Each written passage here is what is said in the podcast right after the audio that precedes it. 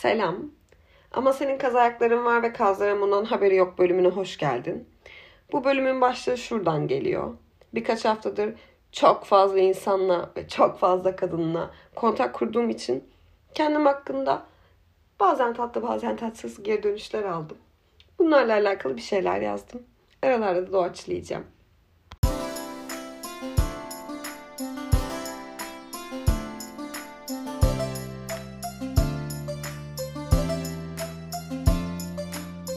Şimdi öncelikle 3 gün 3 ayrı kadın ne demek tatlım, vereciğim. Sen toplasan bir ayda 3 insan görmüyorsun. Ki bu 3 kadın dediğim de bayağı yüz yüze canlı kanlı oturup konuşulmalar. Hani bir de geri kalan arkada Skype görüşmeleri, FaceTime görüşmeleri, Teams görüşmeleri falan var. Konuşulan başlıklar biraz ilginç. 25 yıldır Dalin'den başka şampuan kullanmamış. Hayır belki arada Cansız Baby kullanmış ben. Rimel bile süremeyen ben kaz ayaklarımın olduğunu fark ettim. Hatta biraz da popo yapmalıydım. Öyle her işi kendimde halletmemeliydim. Kavanozun kapağını açamıyorum da aşkım mesela. Arkadaşlar ben tek başıma ev taşıdım. Hani yatak falan kurdum, dolap ettim, ocak gaz kaçırıyor mu kontrol ettim. Hatta kombiye su bastım. Yani emin miyiz benim kalıcı ojeli bir kız olacağıma? Gibi bir geri dönüş yaptım tabii ki de.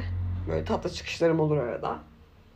Bu ay evime ilk kez makyaj temizleme suyu aldım. Çünkü arkadaşlarım tarafından artık o kadar eziklendim ki erkeklerin evinde bile var bu su diye. Gittim aldım yani okey tamam onu da aldım.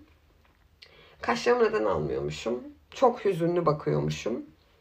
Belki idolüm İdo'dur gibi cevaplar verdim. Biraz duralım mı? Bir iki saniye. Belki o kaz ayaklarında kahkahalar attıran anılar var. Ağlatan kayıplar, mimikler. Ya yaşlanmıyor da sadece yaş alıyorsam? Güzellik algısı bu kadar göreceliyken hangi birine ayak uydurabilirim? Mesela neden küfretmemeliyim? Böyle ağız dolusu bir siktir git. neden bu kadar ayıp? Neden beni sen beğenmelisin de benim aynaya baktığımda gördüğüm şey yetmiyor? Aynen. Buyurun sohbete.